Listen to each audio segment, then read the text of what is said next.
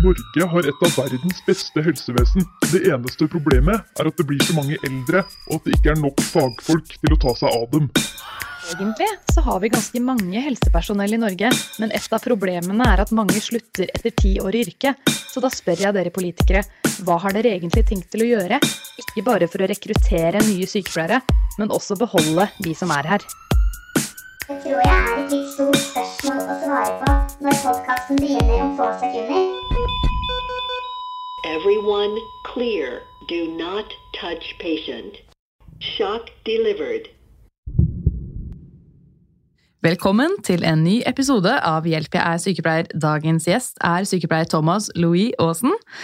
Det som er litt spesielt med Thomas, er at han er født med ja, hva skal jeg si, et litt annerledes hjerte enn det den gjennomsnittlige mannen på gata har. Faktisk så har Thomas operert hjertet hele seks ganger, og har da vel så mye erfaring som pasient som han har som sykepleier. I dag er Thomas delvis ufør, men han jobber deltid i stiftelsen Organdonasjon. Og han er en av to programledere i den informative og morsomme podkasten Helserelatert. Jeg kjenner at jeg er veldig nysgjerrig på hvordan alle disse erfaringene har formet Thomas som person og som sykepleier, så la oss starte. Velkommen så mye til studio, Thomas. Tusen hjertelig takk. Da fikk vi det til. Ja, det gikk bra, det. Vi har jo snakket om det en stund. Ja.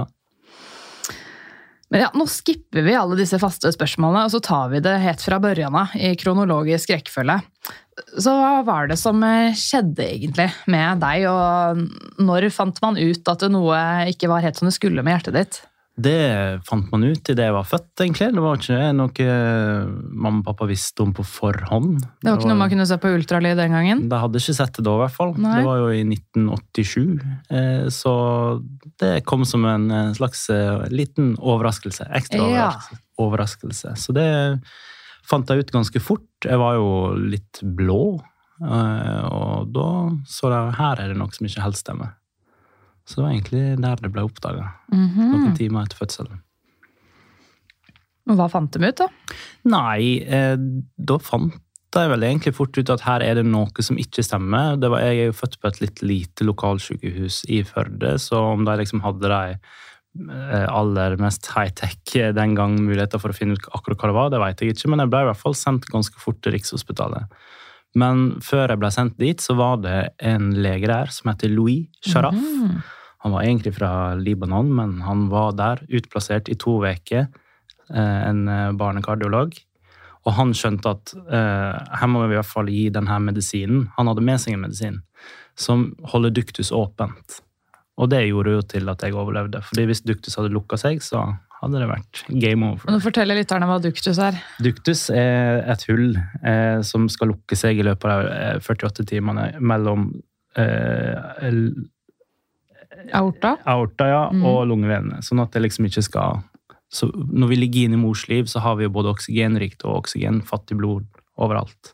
Så hvis den da hadde lukka seg, så hadde jeg ikke overlevd. Ja, for i, i fostersirkulasjonen så går det jo ikke noe blod til lungene, for det er ikke vits, fordi Mm. babyen puster ved morkaka og lunge, lungesnora, sier jeg. Mm, ja, Navlesnora. Ja, Det er en slags lungesnor. ja. Men den, den var åpen hos deg? ja, den medisinen Ja. gjorde at den holdt seg åpen. For den Ja. lukker seg jo sånn det første døgnet etter du er født. eller Ja, for hadde jeg blitt født med åpen duktus med vanlig hjerte, så vil man helst at den skal lukke seg hos meg. Ja, og det, Men- gjør- det den av seg sjøl. Ja. Men øh, øh, ja, hos meg ble den holdt, holdt åpen med hjelp av den medisinen. Mm. Og hva hadde skjedd hvis den hadde lukka seg? Da hadde jeg nok eh, blitt i krybbedød-statistikken. Ja. Da hadde det rett og slett stoppa seg til, bokstavelig Mhm. talt. Ja, bra ga deg den medisinen, da. Ja, så det var veldig bra. Og etter det så var det jo egentlig bare å hive seg til Rikshospitalet. Mamma ble med meg på ambulanseflyet nedover, og så var det rett på operasjonsbordet. Og da var det, fant jeg ut at jeg hadde et underutvikla høyre eh, hovedkammer. Eh, vi skal jo gå gjennom Jeg vet ikke om du vil gjøre det med en gang, men eh, da, Jeg fant skal- dem ut av alt med en gang. Nja, altså sånn som jeg veit det, så ble jeg jo veldig fort operert, og da så de jo liksom Oi, her er eksempel ikke trikuspidklaffen, mitralklaffen, ikke noe høyre forkammer var, var der. Nei, hovedkammer var der. Så da, da begynte de rett og slett på det her eh, eh, å legge inn en skjønt, og det gjør de jo på forskjellige typer hjertefeil, som på en måte skulle erstatte den funksjonen til det den delen av hjertet som ikke var der. Kanskje vi bare skal gå gjennom hjerteanatomien med en gang? Ja, Da finner jeg fram kamera, Ja. for da filmer jeg deg, så kan jeg legge det ut på Instagram, så folk eh, skjønner litt hva som er greia. det blir kult. Ok, Da må jeg litt vekk fra min mikrofon. Da skal jeg prøve å ikke snakke. Jeg satser på at lyden blir grei, selv om Ja. jeg snur meg. Men eh, ja. Ok, Hei, Thomas. Nå filmer jeg deg. Hallo. Jeg har da med en T-skjorte med Heart Anatomy. Veldig kul. Ok, Så gå litt gjennom. Hva, hva er normal eh, hjerteanatomi? Det her er jo et uh, normalt hjerte som uh, eh, 99 av 100 barn er født med, og det er jo kjempebra. Og jeg kan gå gjennom det at oksygenfattig blod kommer fra øvre del av kroppen her, og nedre, ja, og nedre del av kroppen her, inn i høyre forkammer. Og så går det da videre, videre gjennom eh, trygghetsspedalklaffen i, i høyre hovedkammer. Og så blir det da pumpa ut til lungene, og her får de jo masse deilig oksygen, og den kvitter seg med CO2, og det er skikkelig fest. Og så kommer det inn igjen i venstre forkammer, gjennom eh, mitralklaffen, og så ut aorta og opp til hodet og ut til resten av kroppen. Så det er jo sånn at friskt hjerte skal fungere. Det er sånn som du har. Ditt hjerte, da. Nei, mitt hjerte, når jeg var født, så hadde jeg ikke den delen her. Eh, og de klaffene jeg har jo, altså Diagnosen mamma og pappa fortalte meg da jeg var liten, var eh, skal vi se, trikuspidal atresi. Atresi betyr jo at den ikke fins. Og eh, pulmonal atresi. Så jeg hadde ikke de to klaffene, og jeg hadde heller ikke den Altså, her var veldig underutvikla. Så da måtte de rett og slett bare, istedenfor at blodet skal gå eller For å erstatte det, det hulrommet, så tok det rett og slett en skjønt herfra og rett ut på eh, pulmonalarterien. Så da flyter det bare passivt ut til lungene. Så sånn er min eh, hjerteanatomi.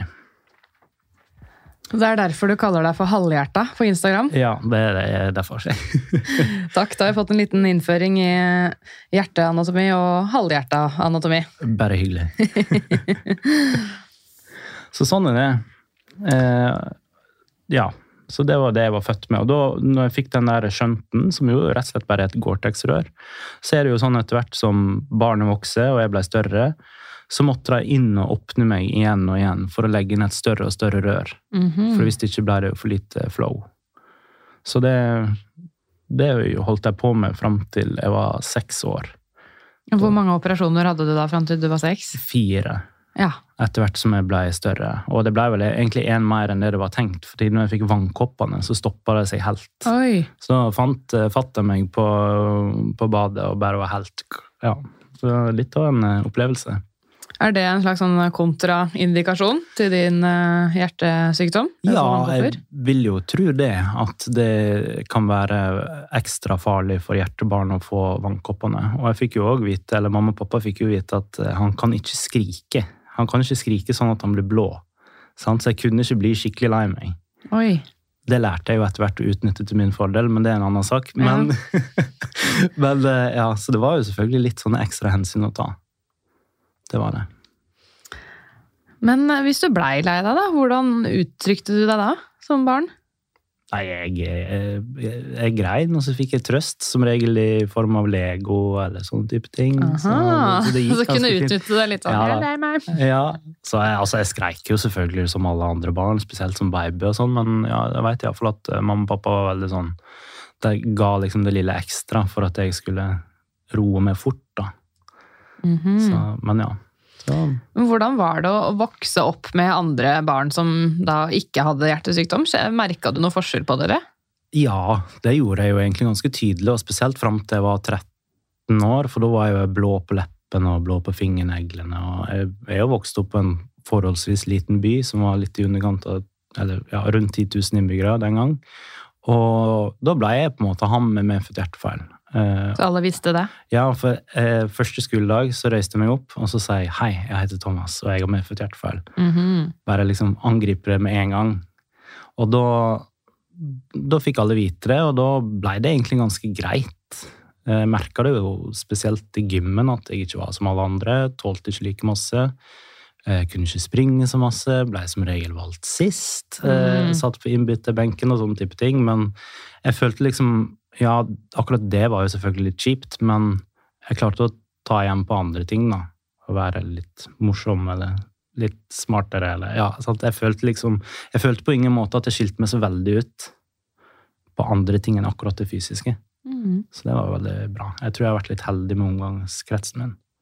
Ja, Så du ble ikke utsatt for noe mobbing eller noe sånt? Ja, Det var litt liksom mer sånn ha-ha, du kan ikke springe, eller eksempel eh, en historie jeg vet at jeg har fortalt flere ganger opp igjennom, er jo at eh, vi skulle på en sånn fjell, Man er jo ofte på fjelltur på barneskolen, Ja. og så var jeg på det, og så da fikk jeg lov å sitte på hest. Mm -hmm. For jeg skulle få lov å være med.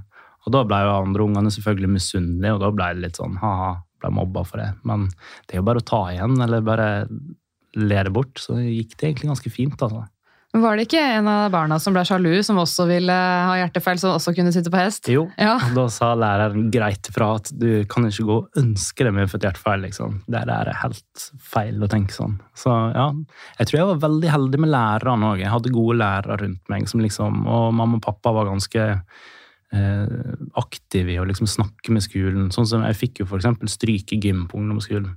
Det burde ikke vært lov å gi noen stryk i gym. Altså, det er jo ikke din feil at du ikke kan kunne yte like mye som de andre barna. Nei, jeg tenker jo det sjøl, og det var jo liksom det var, Om det liksom var en kamp eh, sånn sett med tanke på skole, så var det det.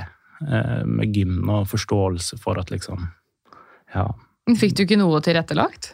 Nei, ikke som jeg kan huske. Ikke annet enn at jeg liksom Det var greit å ta de der ekstra pausene osv. Men jeg ble jo likevel Fikk et dårligere karakter fordi jeg tok de ekstra pausene, så ja. Nei, det var, akkurat det var rart, det med gymmen, men eh, jeg følte liksom ikke noe særlig på at det Altså, andre utrente gjorde det jo ca. like dårlig som meg, sant? så det gikk jo egentlig ganske greit. Jeg bare tenkte på det der å bli valgt sist i gymmen og sånn. Jeg også ble ofte valgt sist i gymmen, og jeg har ikke Mm. noe medfødt. Nei, nei, sant? Noen må jo velge sist. Noen må det. Og i basketball ble jeg valgt ganske tidlig, for jeg var litt høyere enn andre. Ikke så- sant? så Da har du litt fordel der. Har sine fordeler. Nei da, men eh, det gikk egentlig veldig greit. Jeg har vært veldig heldig med oppveksten. Sånn sett. Det er bra å høre. Um, men hvordan har det vært å møte helsevesenet som eh, barnepasient? Det har jo vært litt eh, forskjellig. Altså fram til jeg var Nå hadde jeg jo eh, fire operasjoner fram til jeg var seks år gammel. Da hadde jeg min femte. Og den når jeg var seks år gammel, er vel den eneste jeg egentlig husker. Sånn, og det var i London.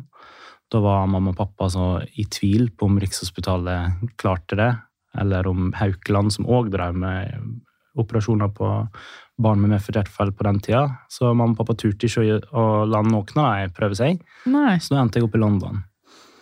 Og det husker jeg jo en del fra, blant annet fordi vi var der i en hel måned. Så da husker man det jo litt bedre. Og jeg har alltid egentlig følt sånn at jeg har blitt møtt på en god måte. Jeg kan ikke huske noe sånn Vel, jeg har én episode, jeg husker, men det var i forbindelse med å få lagt inn et urinkateter som 13-åring. Mm. Det er den ene opplevelsen jeg husker der jeg liksom jeg virkelig hadde lyst til å kverke den dama som gjorde det. Uh, Men det har jo litt med alder å gjøre. sant? ja. Uh, utenom det så syns jeg det har vært helt fantastisk hele, hele veien, egentlig. Hadde fast kardiolog på Haukeland som fulgte meg opp en gang i året eller to ganger i året. liksom, Jeg følte meg hele veien veldig sett. Og ja, og som barn så man forstår jo liksom ikke noe særlig av det, egentlig. Nei. Men, eh, og på Rikshospitalet så var de veldig sånn Jeg har jo sett litt sånn bild, Mamma og pappa har jo litt bilder fra når jeg har vært innlagt. og sånn, og Da er det litt vanskelig å vite om det blir falske minner, eller om det liksom er ting jeg faktisk husker. Men der var det i hvert fall en eh, sykepleier, som, en mannlig sykepleier som spilte gitar, som liksom sang. og var sånn der, det var skikkelig sånn, De satte seg ned med oss på lekerommet og var der, og liksom ufarliggjorde seg sjøl. Det tror jeg er veldig lurt. ofte sånn helsepersonell som har valgt å jobbe med barn, de brenner jo virkelig for det, ikke sant? Ja. Og strekker seg til det ytterste for at den, det lille mennesket skal få det så bra som mulig på Ja. sykehuset. Og det, det følte jeg på, og det har egentlig vært veldig greit hele veien. Og nå, av det jeg husker, så er det de gode tinga, det er jeg glad for. At det ikke bare vonde ting jeg går og Du har ikke fått traumer fra sykehuset, på en måte? Nei, På ingen måte. Nei, For du valgte jo etter hvert å bli sykepleier. Det Jeg valgte jo det. kommer vi jo snart tilbake til. Ja. Eh, Men denne hjertefeilen det er jo ikke sånn at det gikk over når du ble voksen. Du har jo fortsatt vært innom helsevesenet noen ganger som voksen. ja, det har jeg. Ja, Hvordan har det vært å plutselig gå over til voksenavdeling og bli behandla som voksen? Det har egentlig vært ganske greit på en måte, fordi jeg hadde jo eh, Altså, den siste operasjonen min før den jeg hadde da jeg var voksen, var da jeg var 13, så da var jeg på en måte ferdigbehandla i hermetegn. Da hadde jeg gått gjennom en sånn full fontanisering. At da hadde jeg liksom Den skjønten jeg har snakka om, nå har det blitt litt mer permanent, da. Eh, og da var jeg på en måte i tenåra, ikke så masse på sykehus. Var en gang i året med mamma og pappa på Haukeland. Og idet jeg ble 18, så skulle jeg jo da følges opp i Oslo. Mm. For da er det de som følger en opp, og det syns jeg var helt greit. Eh, og for, for min del så var det aldri noe altså, Sånn som jeg husker det, så spurte liksom mamma og pappa meg det året jeg ble 18 om vil du at vi skal være med på kontroll nå. Så sa jeg nei, jeg kan ta det alene. Mm. Og jeg fikk tilliten til liksom Hvis det er noe, så sier jeg jo ifra, og jeg sender jo alltid melding etterpå. liksom sånn. Så jeg, jeg føl Jeg fikk veldig fort den der følelsen av å eie det sjøl. Mm. Fordi man går jo fra å liksom bare egentlig være en slags statist i det, fordi det er mamma og pappa som tar alt det praktiske, det er de som liksom får all informasjon, eller iallfall fram til man er tenåring, da. Så nei, det har egentlig gått veldig greit. Trives med å liksom være sjef for det sjøl, da. Mhm.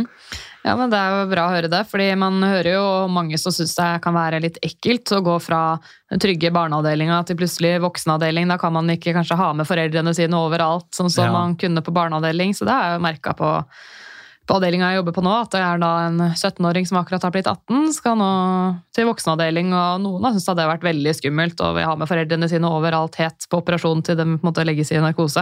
Ja. Så noen eh, ser på den overgangen som veldig bra, da. Ja, det- og det ser jeg òg i medfødt hjertefeil-miljøet, for å kalle det det. At Ja. det er ganske stor forskjell på de som uh, går alene, og de som har med seg foreldre. Når jeg, når jeg er på de årlige kontrollene mine, så sitter jeg jo på samme venterom som andre, og da ser jeg liksom 25-30-åringer som fortsatt har med seg foreldrene Mm. sine. Og så ser jeg de som kanskje akkurat er blitt 18, som går alene. Og jeg skjønner jo liksom at det Du har lent deg på foreldrene dine hele livet, og det, det er jo dritvanskelig sant, å sitte der alene, og kanskje hvis man er redd, eller man venter på å å ja, nå må vi operere, eksempel. Det er jo mange situasjoner man kan være i. Eller man rett og slett bare er engstelig, så, så forstår jeg det. Men jeg er veldig takknemlig for at jeg fikk den tilliten fra foreldrene mine til å ta dem liksom, idet jeg ble 18 sjøl. At de ga meg den tilliten. Så, og, og jeg tror kanskje at jeg slapp litt unna med at jeg var ikke så tett fulgt opp i tenåra. For da var jeg på en måte ferdig operert, og ting så bra ut, og det var liksom bra. Og da, da fikk jeg ikke den derre jeg, jeg kan ikke si jeg hadde en sånn veldig tett tilknytning til Haukeland, som da var mitt mm, sykehus da jeg var barn. Så, det, så jeg føler kanskje ikke at jeg fikk den derre Oi, nå ble jeg løsrevet fra det trygge. Jeg vet ikke. Det er min opplevelse, i hvert fall. Kanskje du syns det var litt spennende? Jeg syns jo det var dritkult å være til Oslo, liksom. Ja, det. Masse kulere det. Ta en helgetur til Oslo og sove på gulvet til en kamerat for å stikke på kontroll, liksom. Det er jo, det er jo ikke feil, det, når du er sånn 19. Nei, ikke sant? Så for meg så var det helt naturlig, og akkurat på den, i den tida der så var jeg ganske stabil òg, hjertemessig, så det var liksom ikke noe skummelt å dra dit heller. Jeg regna jo med å få vite det ser bra ut. Mm. Så Men eh, hvor gammel har du blitt nå? 35, straks 36. Mhm. Når hadde du den siste operasjonen? 2016.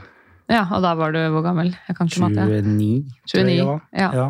Jeg mener det var 29, eller 28. 29. Tror du det blir noen flere operasjoner nå? Eh, hvis det blir en operasjon til, så blir det et nytt hjerte. Ja. Det er jeg nesten helt sikker på. Eh, og det vil det jo mest sannsynlig bli en annen gang, men eh, det virker som den operasjonen jeg hadde i 2016 var skikkelig bra, ja. og har fungert perfekt. Så bra. Og det, kan, hvis du vil, så kan jeg jo fortelle hva de gjorde da. Ja, vi tar en ny, Ja. en ny film. En ny film, se. ja, men det blir bra. Ja. Ok, Thomas, fortell oss uh, hva uh, disse hjertekirurgene gjorde på den siste operasjonen din i 2016. Da hadde jeg blitt uh, fontanisert på gamlemetoden. Det vil si at tidligere når jeg opererte hjertebarn, og de skulle jo erstatte den funksjonen til det kammeret her, så tenkt, var tanken, og tanken var veldig god, at vi vil bruke så masse av det eksisterende hulrommet som mulig. Så da gikk eh, Istedenfor at det gikk ut sånn, så gikk det herifra og dit med et rør.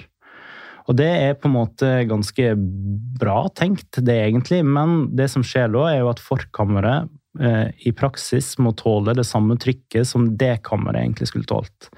Og her ser vi at hjerteveggen er jo masse sterkere og tjukkere. Og derfor så ble mitt forkammer i løpet av åra fra jeg var 13 til jeg ble eh, 29, fem ganger større enn det det skulle være. Så her hang det bare ut som en sånn stor pose. Og det var jo egentlig en operasjon jeg skulle hatt to år før jeg tok den, men jeg lot være å møte opp, så det var jo litt eh, dumt. Men eh, det de gjorde da, var at de rett og slett eh, lot røret gå eh, direkte herifra på der. Så nå har jeg ingen av de delene her. Nei. Så det Ja. Sjukt. Hva som går an, altså. Ja, det er helt vilt. Wow. Det er faktisk helt vilt hva de har fått til. Men kan jeg spørre hvorfor du ikke møtte opp? Eh, ja, det kan du Ja, for da fikk jeg liksom Det var vel da i 2014 så fikk jeg eh, vite at jeg måtte ha den operasjonen. Og så eh, var jo det en ganske tøff beskjed å få. Da hadde jeg jobba som sykepleier i to år, vært en del, god del sykmeldt fordi jeg kunne ha 35 i puls, jeg kunne ha 250 i puls. liksom. Jeg visste aldri hvor hjertet mitt var. Eh, og det er tungt når du jobber tredelt turnus Ja. eller todelt turnus. Så det, da var jeg litt sånn til og fra med sykmeldinga, Var på en litt sånn dårlig plass. Det ble slutt med hun jeg var sammen med på den tid. Eh, ganske rett før operasjonen. Mm. Så da tenkte jeg bare veit du hva, det her det er helt uaktuelt. Det var for mye for deg, rett og slett? Ja, eller sånn, jeg bare Jeg hadde ikke noe lyst til å legge meg under den kniven. Jeg var liksom sånn Nå har jeg lyst til å bare late som at det ikke er noe problem inni her. Følte du deg litt ferdig måte, med Ja, alle ja. hjerteoperasjonene? Ja, egentlig ganske ferdig sånn generelt, og litt sånn Jeg vil ikke si at jeg følte meg ensom på noen som helst måte, eller sånn forlatt, men jeg følte meg Jeg var litt sånn Vet du hva, fuck it. Mm. Så da ja, var det jo bare å ha det gøy og litt sånn risikoatferd, hvis man kan kalle det. Jeg drakk kanskje litt koste meg og festa, hadde det gøy og bare tenkte vi har det gøy så lenge det går. Så det Kanskje du trengte det? Jeg trengte nok det. For har du på en måte hele livet vært veldig forsiktig med hva du har gjort pga. hjertet ditt? På ingen måte. Men, men, eh, men jeg tror jeg trengte en sånn siste fest Ja. før jeg eventuelt Eller en siste morsom tid, da. Det var jo det det blei. Det, før, eh, før jeg turte å ta den operasjonen igjen. For det er jo det er jo det, jeg egentlig For da blir det en sånn lang rehabiliteringstid etterpå, det tar mye tid. Ja, og så var jeg litt sånn Jeg vet ikke. Det høres så skummelt ut da jeg skulle fjerne en fjerdedelen av hjertet. Og, Mm. altså det, det var jo ikke en liten operasjon. Nei. Så jeg var litt sånn Jeg var ganske sikker på at det ikke kom til å gå bra, for jeg er født pessimist, dessverre. Så da, da tenkte jeg bare nei, det her, det her tar jeg ikke før jeg må. Mm. Så, men jeg, jeg er jo ikke stolt av det, da, å ikke møte opp. og det, nå i dag, når jeg vet liksom det som er lagt opp på alt rundt Mm. Fy fader, det er elendig gjort. Nei, men du er jo ikke den eneste som plutselig strekker deg. Det Ja, er jo og det- menneskelig. Og det syns jeg var så fint, fordi når jeg liksom fordi det som skjedde to år seinere, var at jeg blei så dårlig at jeg gikk på legevakta, og så kom jeg til Rikshospitalet, og så sa jeg liksom eh, For vi har jo sånne kontaktsykepleiere, vi med fall der oppe, og så sa jeg sånn Sorry for at jeg ikke møtte, jeg vet at det er skikkelig dust gjort. Og hun bare du, det skjer hele tida. Mm. Det skal ikke du tenke på. Og da hadde jeg gått i to år og tenkt at jeg må være den eneste som, all, altså som ikke møtte opp på en hjerteoperasjon. Følte du litt sånn nederlag da? Eh, ved at jeg ikke hadde møtt opp? Ja. Ja, Mm. litt nederlag, følte jeg. Men eh, samtidig så var jeg så Alt var på en måte så distant. Alt var så Jeg bare turte ikke å tenke på det. Men da var det kanskje litt godt å høre at hei, du er ikke den eneste som plutselig mailer. Det, Det happens helt- all the time. Ja, det var helt perfekt å høre det. Og altså det er, Jeg har jo tenkt på det i ettertid, hvor rart det egentlig er å tørre å legge seg ned under en sånn operasjon før du virkelig må. Men det er jo ikke småtteri. Nei, det er jo Det er veldig spesielt. Og ja, nei Jeg syns det er skummelt. Og skummelt. Mm. Men hva var det som Eller det sa du jo, du ble dårlig, og da, da gikk det opp for deg at du plutselig ville likevel. Men var det på en måte stress å si fra 'hei, jeg vil opereres likevel', eller var det på en måte 'ja, men greit, da fikser vi det for deg'? Nei, det var ikke noe stress i den. Altså Det som skjedde når jeg kom inn på Rikshospitalet da, var at da sa de at Thomas, nå kan vi ikke vente lenger. Mm. Vi skjønner at du ikke ville, liksom, og at du lot være, men nå kan vi ikke vente lenger. Mm. Så da må vi bare gjøre det. Og da tenkte jeg ok, men da, da har vi tøyd strikken lenge nok. Hva hadde skjedd med hjertet ditt sånn rent fysisk hvis du ikke hadde tatt den operasjonen? Jeg hadde nok da dødd av eh, plutselig hjertestans, mest sannsynlig. Fordi når det her er fem ganger større enn det skal være Én ting er jo at eh, det da blir som en slags sentrifuge for masse blod. I høyre forkammer? Ja, Det Ja. blir masse blod i høyre forkammer som bare går og går. Og sjansen, selv om jeg gikk på Marvan, Mm. sjansen for at det ble blodpropp, var jo ganske masse større når du får et sånt stort hulrom å kose seg i. Ja. Og så eh, er jo òg de elektriske signalene Sinusknuten sitter jo i høyre forkammer. Mm. Så uten Altså, når de elektriske signalene blir såpass strekt, så er jo sannsynligheten for plutselig hjertedød litt større. Så da Sånn kunne du dødd av enten eh, blodpropp eller hjertestans eller eh, kanskje Ja. arytmier, da. Ja, Ja. bare pick your poison. Huff a meg. men det er veldig ja. bra at du fikk den operasjonen, da. At ja, du, det er jo, jeg er veldig glad for det. Og så fikk jeg jo òg en pacemaker, siden jeg tok vekk høyre forkammer, der sinusknuten ligger. Mm. Da fikk jeg det. Og det, det var litt sånn en, Egentlig en trygghet i starten, for da tenkte jeg nå har jeg en maskin som bestemmer når hjertet skal slå, og hvor fort det skal slå. Det var en veldig sånn trygghet i starten.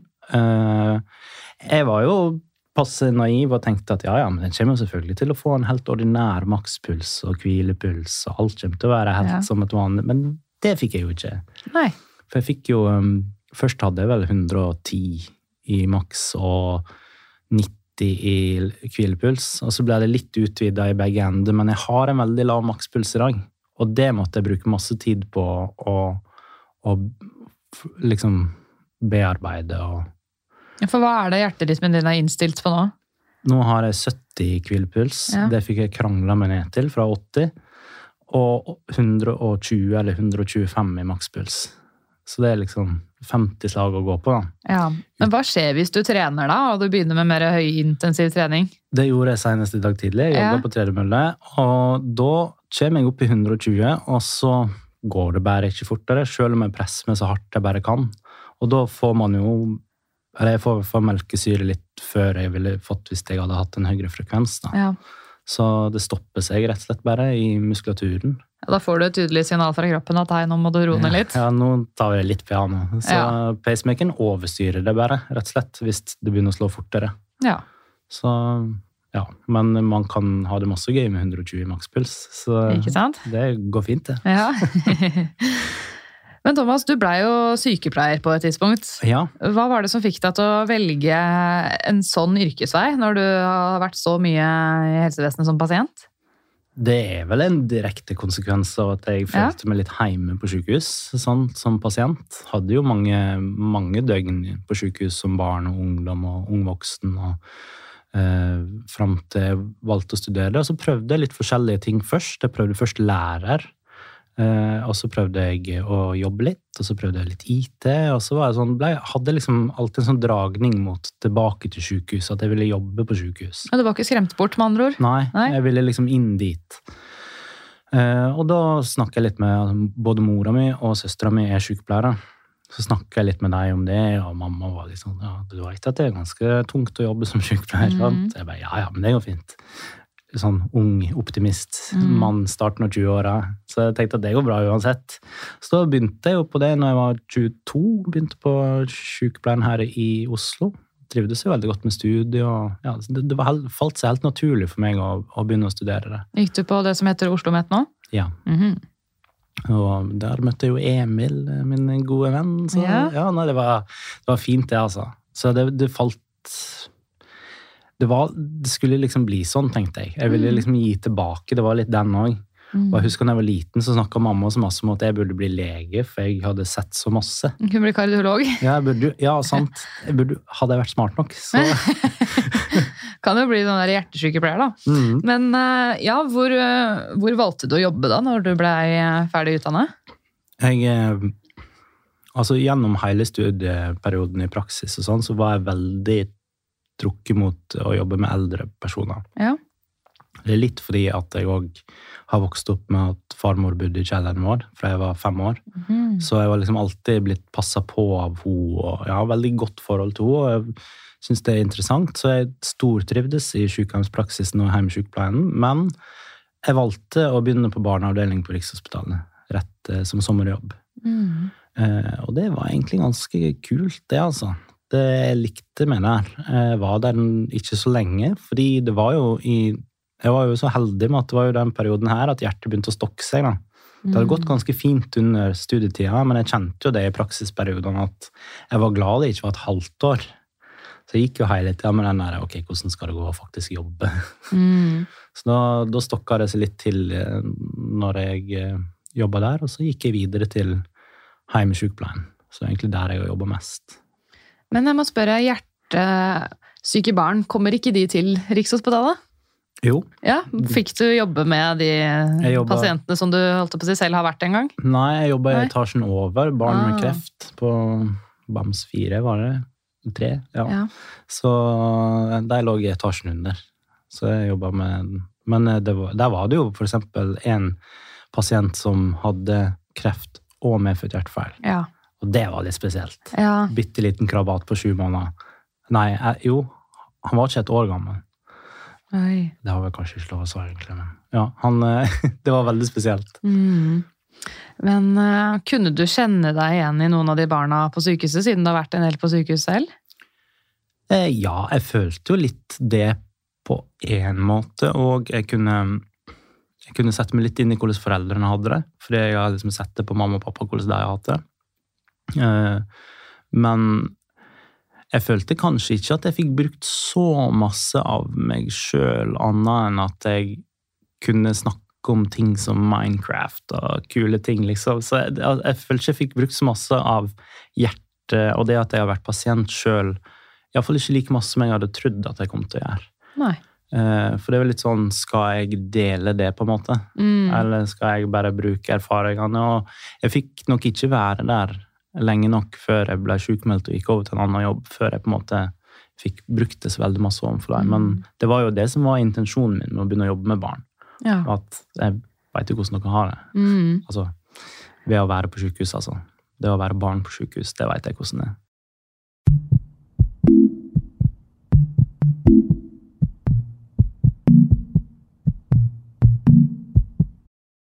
Men tredelt turnus, det ble litt heavy for hjertet, kanskje? Ja, det er helt, helt Jeg forstår det ikke den dag i dag at folk orker, for Nei. å være helt ærlig.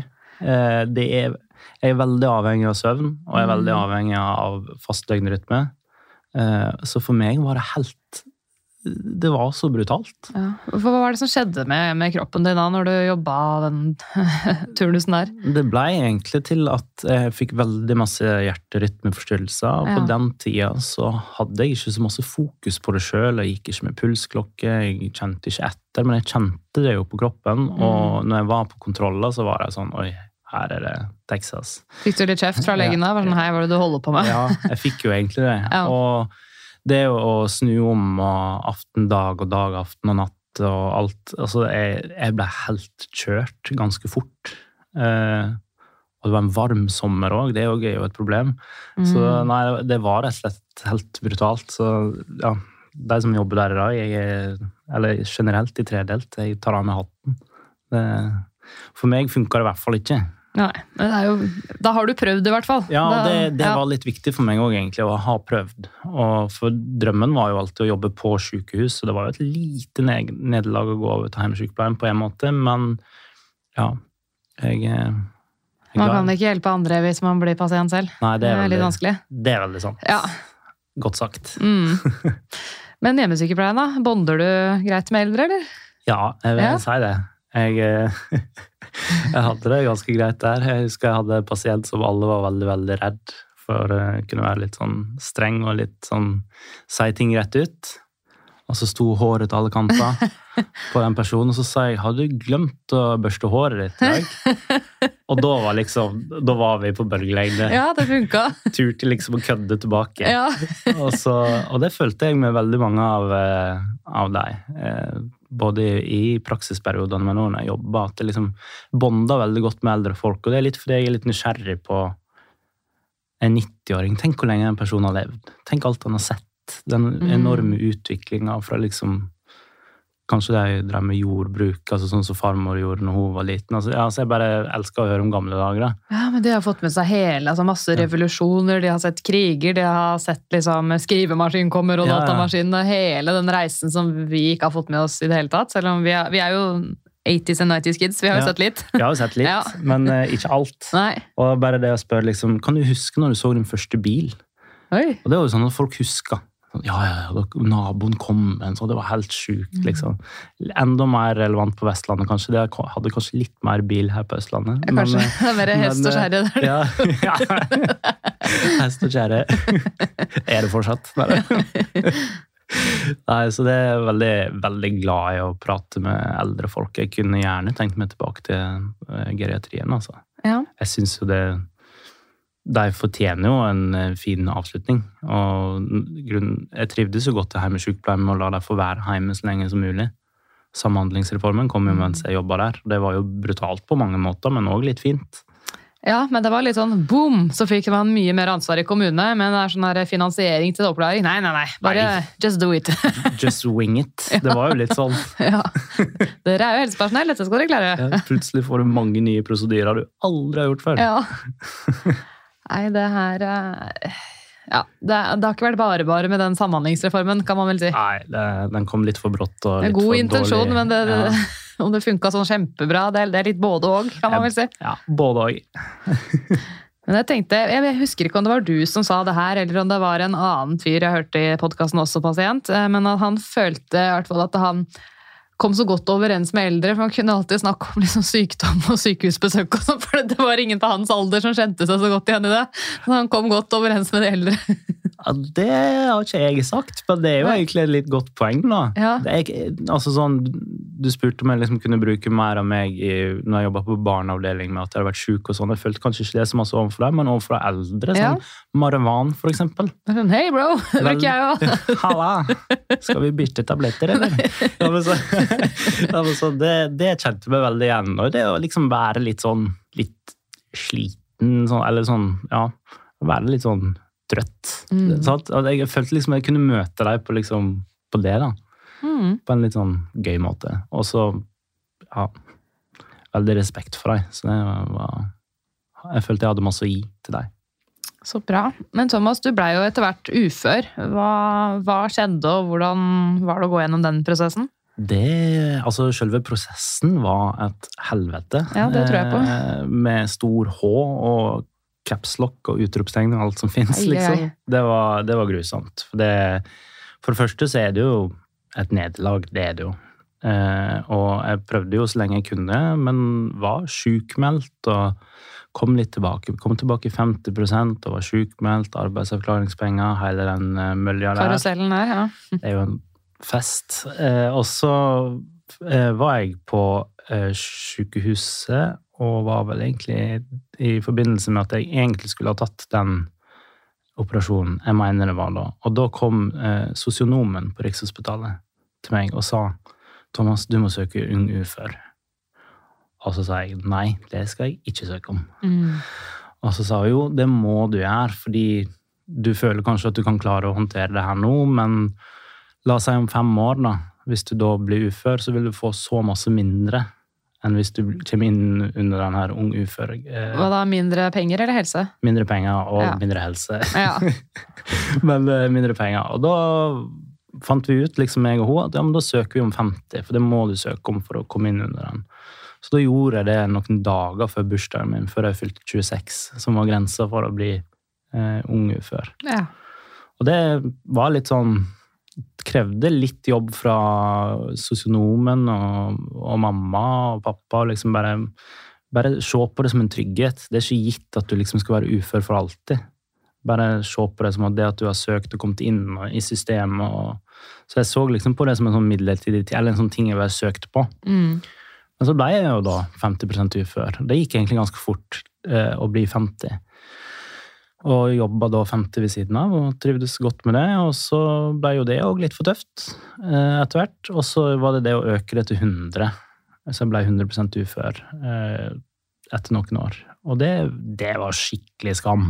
Det trivdes jeg ikke med i det hele tatt. Ja, for det verste med det, det var, det var den skammen. Ja, Ja.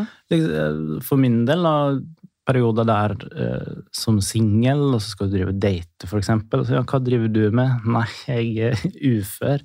Sant? Mm. Altså, det det er veldig mange ting ved det som gjør at eh, Iallfall jeg følte at jeg ble både ensom og inneslutta. Og litt sånn Ja, hva nå? Hva skal jeg gjøre nå, liksom? Og da ble jeg jo rett og slett ja, en litt sånn caveman. Holdt meg for meg sjøl i perioder. Samtidig så er jeg jo veldig glad for at jeg lever i et land der det finnes sånne ordninger som gjorde til at jeg Det er greit nok at jeg ikke Altså, på ingen måte millionær, men jeg hadde jo så jeg klarte meg. Og jeg hadde jo et boliglån, jeg hadde jo liksom Jeg hadde regninger som alle andre. Mm. Så, og det gjorde til at jeg klarte meg. Eh, så veldig stor takknemlighet for at eh, jeg blei det, samtidig som det var veldig masse skam i det sosiale rundt det. da. Ja, den skammen er det mange som kjenner seg igjen i. Mm. Det har jeg hørt i mange podkaster at eh, det verste med det altså Én ting er det der eh, byråkratihelvete og Nav, og det er det mange som krangler med at man blir litt utslitt av det, men mange Mm. sier det verste er den skammen. Men det er så synd med den skammen, for det er jo ikke sånn at man kan noe for at man har en sykdom. Man kan jo ikke noe for at man blir skada eller er født med medfødt hjertefeil, og det er så synd at man må gå med den negative energien som bare Det gjør deg jo ikke noe mindre ufør på en måte å føle på skam. Nei, på ingen måte. Og det her har jeg grubla masse på, og jeg tror jeg veit hvor den skammen egentlig kommer fra. Og iallfall for min del så kommer den fra at jeg, jeg satt Etter jeg ble 100% ufør, så satte jeg meg ned og så tenkte jeg sånn Hvilke valg kunne jeg ha tatt i livet mitt som hadde gjort at jeg ikke endte her? Jeg kunne tatt økonomiutdannelse som hadde gjort til at jeg kunne hatt, holdt i den jobben lenger enn kanskje et av de tyngste yrkene som jeg valgte som en sykepleier. Jeg kunne kanskje ha tatt litt bedre vare på meg sjøl underveis. Så skammen min var knytta litt mer opp både liksom utad og gå på date eller fest eller sånne ting, men òg liksom litt innad i at jeg kunne kanskje tatt noen klokere valg. Men ikke sant, hadde du gjort det, da, valgt en utdanning du kanskje ikke hadde trevdes med, så kanskje du alltid hadde tenkt åh, jeg skulle blitt sykepleier. Ja, ja, sykepleier ja. skulle Man, kan, man kan jo aldri vinne. Nei, man tapper uansett. Man sånn er livet. ah, det er grusomt. Også, men men løsninga for å komme ut av denne skammen for min del, det var å begynne å jobbe som frivillig. Ja. For da kan du styre tida di sjøl, og du føler at du gir noe tilbake. Og du har et jækla bra svar på det spørsmålet. Hva driver du med? Mm. Hvis du da for er besøksvenn og er Røde Kors eller et eller annet, så kan du bare ja, nei, besøksvenn. Ja. Trenger ikke å si at det er frivillig arbeid. Kan bare si det, det er det jeg driver med. Mm.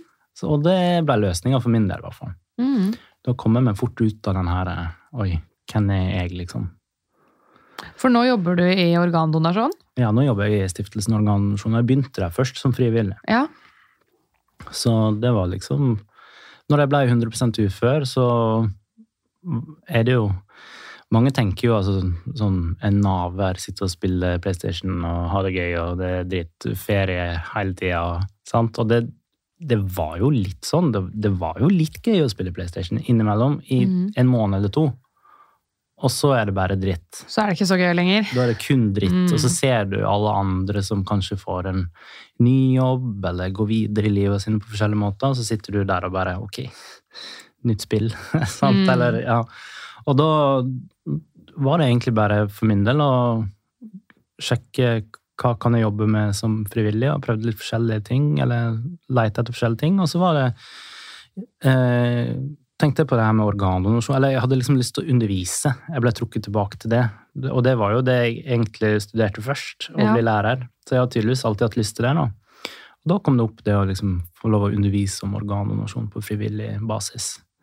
Ja, for det er det du gjør nå. Du reiser rundt og Ja, si holder stands. Ja, det gjør jeg jo nå fortsatt, eh, men jeg begynte jo da å gjøre det frivillig, uten penger, uten å få noe penger eller noe sånt, og så trivdes jeg egentlig ganske godt med det. Sto i helse- og sosialfagklasse eller biologiklasse og fortalte om organdonasjon. Eh, To skoletimer og svarte på spørsmål og fikk liksom litt et lite miljø i liksom oss frivillige i organdonasjon. Trivdes godt med det, og så var det jo sånn da etter hvert når korona kom og de ble litt underbemannet, så fikk jeg den telefonen fordi de visste at jeg hadde jobba som frivillig, og jeg var ufør, så jeg hadde kapasitet, altså tid. Ja. Så fikk jeg liksom telefon. Kan du komme og liksom Har du mulighet til å jobbe litt der en liten periode? Altså Og lønnet arbeid. Lønnet arbeid, Ja. og bare hjelpe oss litt, fordi vi er så, det er så masse sykmeldinger. Og, og det er jo snart to år siden, så nå har jeg jo jobba der i to år. Mm. 50 Så Eh, For åssen er det da med den uførheten din, si, som var 100% Har den blitt endra da, altså, det er litt vondt for meg å si det, men det er en av de bra tingene de blå-blå fikk til, var det å jobbe ved siden av uh, ufør. ja. Fordi jeg så jo da for meg egentlig at det ville bli sånn um, og at jeg måtte gå, liksom, gå innom Nav, holdt på å si. altså Mm. Begynne å søke om å få lavere uføregrad og hele den. En ny sånn papirmølje, da. Ja. Så jeg så egentlig ganske mørkt på det. Men eh, da jeg gjorde det jo sånn at du bare nå melder inn det du tjener, så blir eh, det du får i stønad, eh, avkorta. Mhm. Så da får jeg mindre. Så jeg er jo på papiret fortsatt 100% ufør, men jeg får ikke det støtten. Så i ja, men så i praksis grad- så er du deltidsufør, på en måte? Ja. Ja, Og det, det er superenkelt. Uh, og veldig sånn ja, For min del hadde det gjort til at det, det å takke ja til å begynne å jobbe der var masse lettere. Det har faktisk fungert, Ja. syns jeg. Og så kan man jo diskutere det. Er det riktig at jeg for, Jeg har skjønt det sånn at hvis man regner på det, så tjener jeg ca. 66% av lønna mi nå. Mm. Fordi uh, Altså, ja. Og er det riktig at jeg på en måte skal tjene litt mindre fordi jeg er ufør i bunnen? sant? Man kan jo Mm. Ja. Men det, sånn er det. Det fungerer ganske greit. Ja, men det er bra at det fungerer.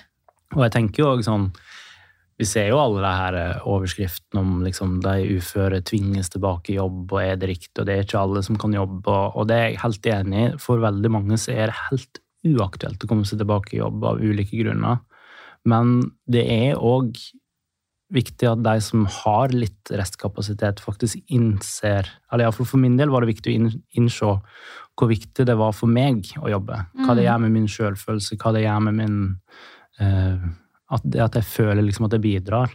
Den følelsen skal man ikke undervurdere. Og det gir masse helse. Mm. Og alle ser det på meg etter at jeg begynte å jobbe, at jeg har det masse bedre. Så Det er jo kjempebra, Ja. Thomas. Det det med jobb vet du, det, er sånn, det kan ta knekken på helsa di, men det kan også gi deg bedre helse. Det kommer an på hvor man jobber og hvor mye, og døgnrytmen. Det er så sykt mange faktorer som spiller inn. Eh, Veldig masse. Og- Og derfor tenker jeg, eh, og det har liksom vært litt min Og det, det skjønner jeg at jeg er blitt flinkere på liksom, i min pasientgruppe, å følge opp ungdom med karriereveiledning. Jeg, jeg føler kanskje at jeg hadde vært tjent med å som ungdomsskoleelev eller videregående skoleelev hatt en samtale på en av de årlige oppfølgingene mine, kanskje med en sosionom eller noen, og bare sånn Ok, Thomas, din arbeidsevne kommer til å være litt lavere enn alle andres.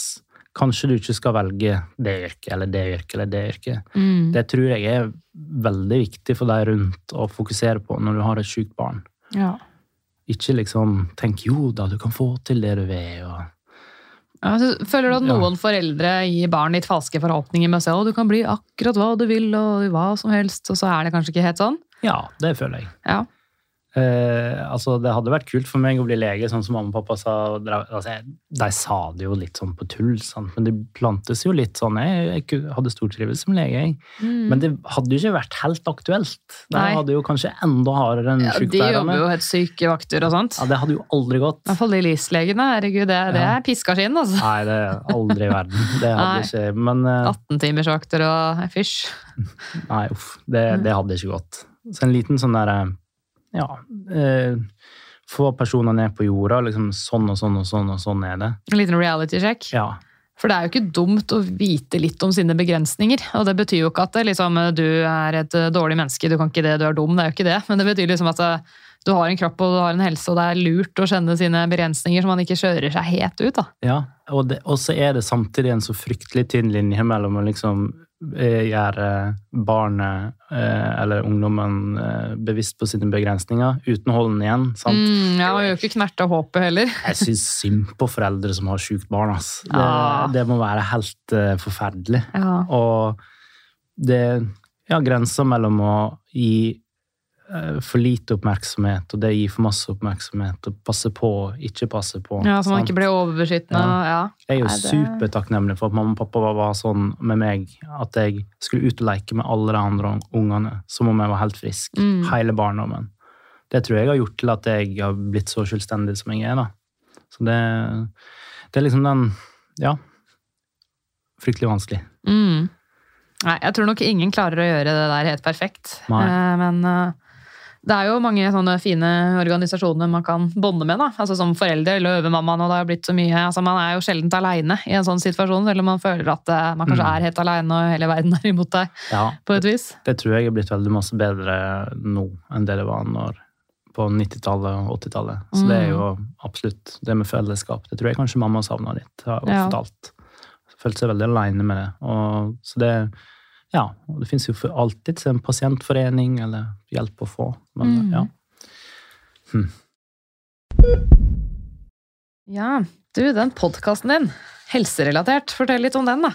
Jo, den starta jo òg egentlig som en, et resultat av at jeg var ufør og hadde ingenting å finne på, og Emil hadde lyst å prate. Ja, det hadde han vel. Ja. Han er glad i det. Han er glad i det. Så det begynte egentlig veldig spontant med at vi trente sammen, og så prata vi litt om eller Det var vel egentlig jeg som starta med å si du, jeg har hørt litt på podkaster i det siste. Har du hørt noen? Hadde egentlig ikke tenkt å snakke noe mer enn om podkast som format. Da husker jeg jeg hørte på den hos Peder. Ja. Og så prata vi om den, og så var han sånn Tror du det er vanskelig å starte en podkast? spurte han. Og så sa jeg nei, det kan umulig være så vanskelig. Og så samme kveld da, gikk jeg hjem og liksom gjorde litt research. Hvordan gjør vi det? Og jeg hadde jo en god del lydutstyr. For jeg spiller gitar og liker å spille inn musikk. Og, så det var liksom Veien fra idé til å få det ut i livet var veldig kort. Jeg trengte bare å kjøpe en ekstra mikrofon. Ikke sant? Så da, da ble det vel til det. Jeg tror fra vi prata om det på den treninga til vi satt og spilte inn episode, og så gikk det ti dager. Mm. Så da var den eh, starta. Der snakker vi om eh, alt som er helserelatert. Der er navnet, så vi kan snakke om alt fra ulike diagnoser. I starten snakka vi naturligvis masse om min hjertefeil, og det som var litt spesielt, var at Emil var jo operasjonssykepleier på den avdelinga jeg ble operert i i 2016.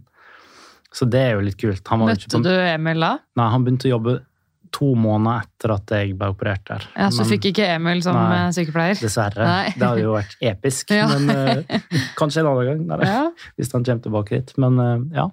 Så da fant jeg ut at det er jo en ganske sånn unik connection at jeg har vært pasient, på, og han har så masse kunnskap om det. Så vi ja, fant ut at vi ville prate om det, og så etter hvert så har vi begynt å prate om helt andre ting og ha gjester. Ja. Ja, Den siste episoden deres handla vel om gaming. Ja, bare, ikke Oi, her er det litt av hvert. Ja, ja, ja. Det var, da snakka vi om det. Vi har en sånn hobby for bedre helse. Der vi liksom mener at ulike hobbyer Vi har hatt om sjakk tidligere, f.eks. Og dere har hatt episode om meg. Ja, vi har hatt episode med deg. Du har jo vært på besøk. Det. To episoder. Ja. Så nei, vi har mange, mange artige episoder og historier derfra. ja, men det er en veldig fin podkast dere har. Takk, det samme. Ei, ei, ei, nå er vi snart ferdige her, så må vi begynne med Q&A. Ja. Hva er det fineste med å jobbe i stiftelsen Organdonasjon? Eh, Jeg har, jo da lyst til å si kollegaene. Vi har det ganske gøy på jobb. Ja. Eh, Fin liten gjeng. Vi er sju ansatte på seks årsverk som bare prøver å få spredd informasjon om organdonasjon. Eh, Også det å, på det personlige plan, det å føle at jeg gir litt tilbake. da. Jeg føler meg som en ressurs der. Mm. Eh, og ja. Det er vel egentlig lønna er jo ok. Så det, det er mange fine ting å jobbe der. Ja, men det her må jo være perfekt for deg. Her får du jo både brukt sykepleierrollen din, og du får brukt erfaringen din som pasient, og litt den derre pedagogiske fra lærer som du tenkte på. ikke sant? Her får du jo egentlig alt i ett, og du kan styre det litt selv, litt hjemmekontor, og det er ikke tredelt turnus heller. Nei, nei, nei, det, nei, det er faktisk eh, midt i blinken. Ja. På veldig mange måter så er det perfekt. Er det Og en gøy plass å være, og variert arbeidsdag. Det er vel òg en av de positive tingene. Så fint at du fant ditt sted til slutt. Ja, jeg må jo si takk til Hege, da, som huka meg inn, sjefen min. um, Hvordan føles det når du behandler pasienter som er veldig syke? Føler du at du vet mer om hvordan det kan føles for denne pasienten? Jeg følte nok litt på det hos eh, de eldre, at jeg kunne kjenne litt på det For eksempel, jeg har jo ikke nødvendigvis hatt dødsangst noen gang, men jeg har jo vært litt sånn har jo vært innom tanker om døden litt mer, og det er jo gjerne eldre personer. altså Jeg kunne liksom bruke litt av meg i det, da. Og det her med medisiner og det å ta medisiner så Det er liksom flere sider ved det å være pasient som jeg følte at jeg kunne, vi kunne bonde litt mer på enn hva som kanskje ville vært vanlig ellers. For du, du står fast på medisiner? Ja, det er jeg. Får jeg lov til å spørre hva du bruker? Ja, det skal du få vite. Jeg bruker jo da Celosok, altså betablokkere. Og så bruker jeg Colarone, som er en annen type, ikke betablokker, men det er liksom har litt samme funksjon. da.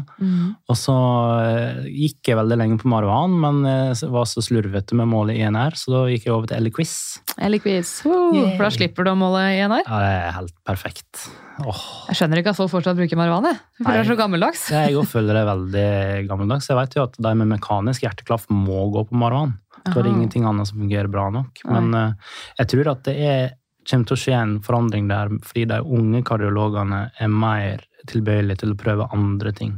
Mens mm. de eldre er, er liksom holder fast på marihuana. Jeg vet åssen de vil ha det. Ja, de skal ha marihuanen sin. Ja, For der er det ofte sånn endring av dosene, er det ikke det? Ja, det er helt, altså, ja, Ja. Hvis du er på byen en kveld, så må du ta ut så mange tabletter. Hvis du har spist en salat, så må du legge til en tablett. og så Du blir jo helt susete. Det er såpass, ja. Ja. Så ja, Mm. jeg er glad jeg slipper det. Ja, ser den. Og det tror jeg eh, legene er glad for òg, for da blir det litt mer stabilt. Ja.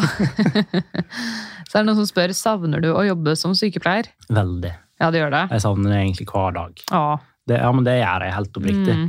Eh, og jeg savner det såpass at jeg liksom Jeg sitter av og til så er på Finn, eller så kommer det opp en annen stilling som jeg tenker så, Oi, kanskje jeg kunne klart den. Og så er samboeren min sånn Nei, det skal du ikke. Mm, hun må holde deg litt tilbake. Ja, hun må holde meg veldig tilbake. For jeg har liksom Jeg har et håp om i en eller annen form å komme tilbake. Og sånn liksom- type poliklinikk eller noe sånt, da. Ja, for eksempel. Eller eventuelt psykiatrien, eller Ja. ja. en litt mer administrativ, eh, eller forsker, et eller annet. Mange veier å gå. Mm. Men det krever jo ofte master, da, så da må vi jo tilbake på skolebenken. Mm. Ja. Skole, altså. Ja, er ferdig med det, så jeg. Um, gir hjertefeilen din deg noen begrensninger i hverdagen? Det tenkte jeg litt på i dag, eh, og det gjør det jo naturligvis. Men sånn Jeg eh, har prøvd å liksom tenke at det begrenser meg liksom at jeg kan ikke bli toppidrettsutøver, jeg kan ikke springe maraton eller halvmaraton. Jeg kan liksom ikke gjøre det her ekstreme tinga som veldig mange gjør. Eh, Men i det daglige så hindrer det meg veldig lite. Så bra. Eh, Akkurat nå så har jeg en ankel som hindrer meg mer enn hjertet. Ikke sant? sant? Ja. Så det Nei, klart litt begrensninger, men ikke så store som jeg tror folk ville tro. Men må du passe på alltid å ha med deg medisiner rundt omkring i tilfelle du skulle sove over hos noen? og... Ja, det hadde jeg jo faktisk. Nå når jeg var i Bergen, og så var jeg hos en kamerat, og så ble det litt seint, og så sov jeg egentlig hos broren min, og da var det sånn Jeg må faktisk Jeg kan ikke krasje på sofaen din, for jeg Mm. må hjem og ta den der teite tablettene mine. Ja, det Så sånn- kjenner meg igjen i det. Så det er litt sånn praktiske ting rundt det, da. Mm. Som gjør at du blir litt mer låst, men god planlegging, så kan man jo få til det meste. Mm.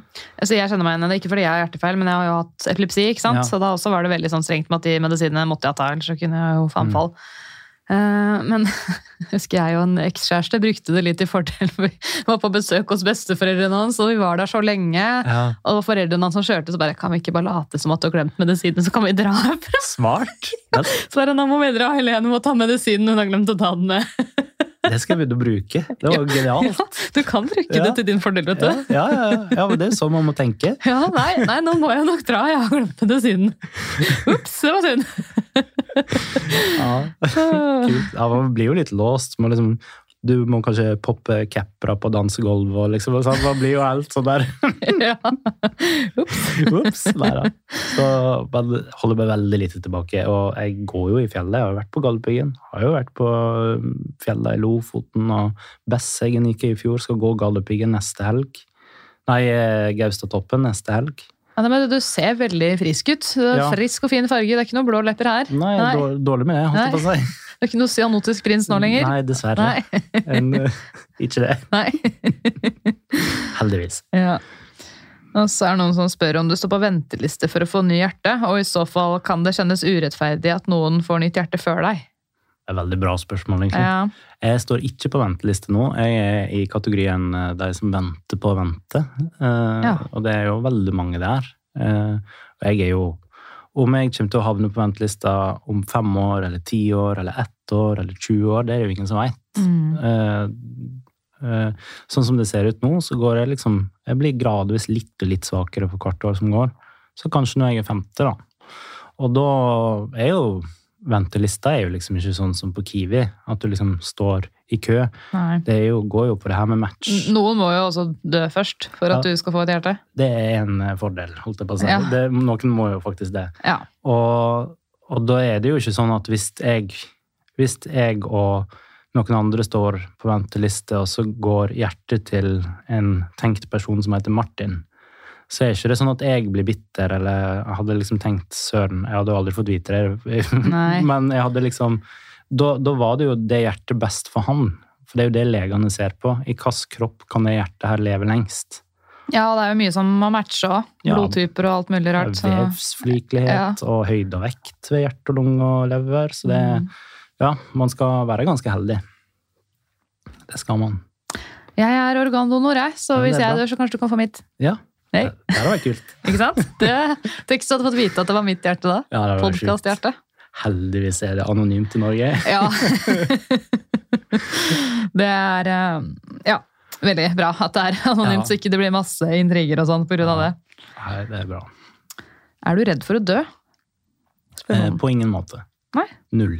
Å ja, så bra. Hva er trikset for å ikke være redd for døden? Eh, man må bli litt eldre, tror Ja. jeg, for jeg var veldig redd for å dø i 20-åra. Ja. Eh, og da hadde jeg jo døden kanskje litt nærmere på en måte òg, men jeg bare eh, må tenke sånn at eh, nå har jeg levd snart 36 år med en hjertefeil som kanskje egentlig skulle gjort til at jeg hadde dødd mange ganger før. Mange operasjoner, mange ting som kunne skjedd.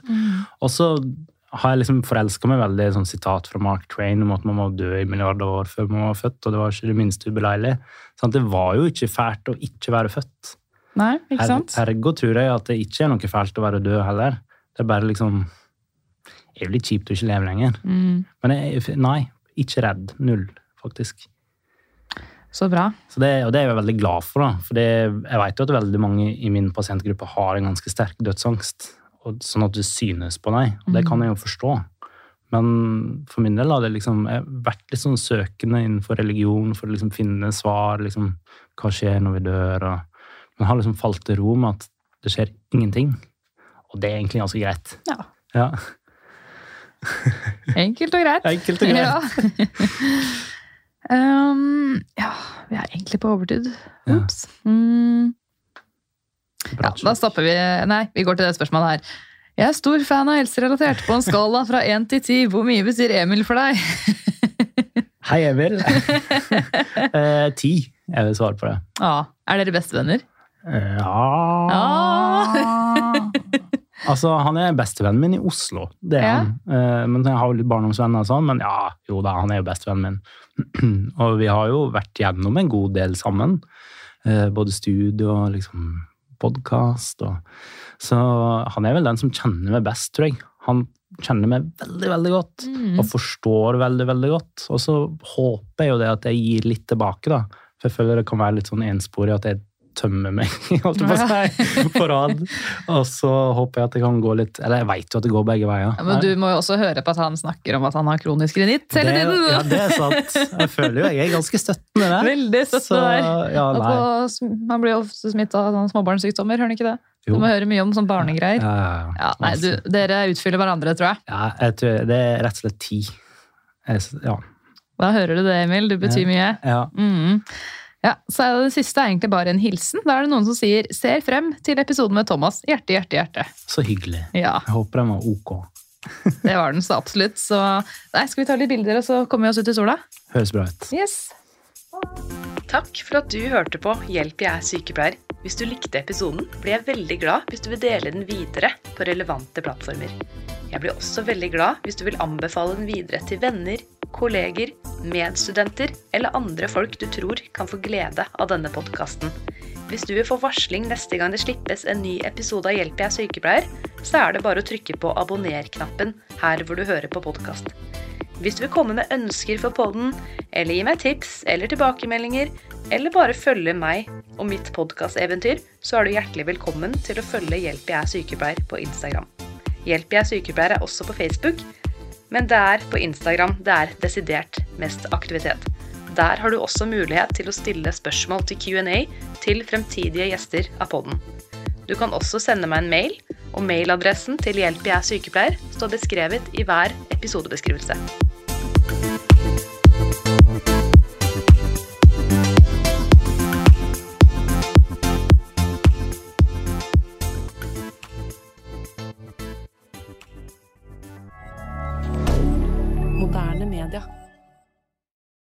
Har du et enkeltpersonforetak eller en liten bedrift? Da er du sikkert lei av å høre meg snakke om hvor enkelt det er med kvitteringer og bilag i fiken, så vi eh, gir oss her, vi.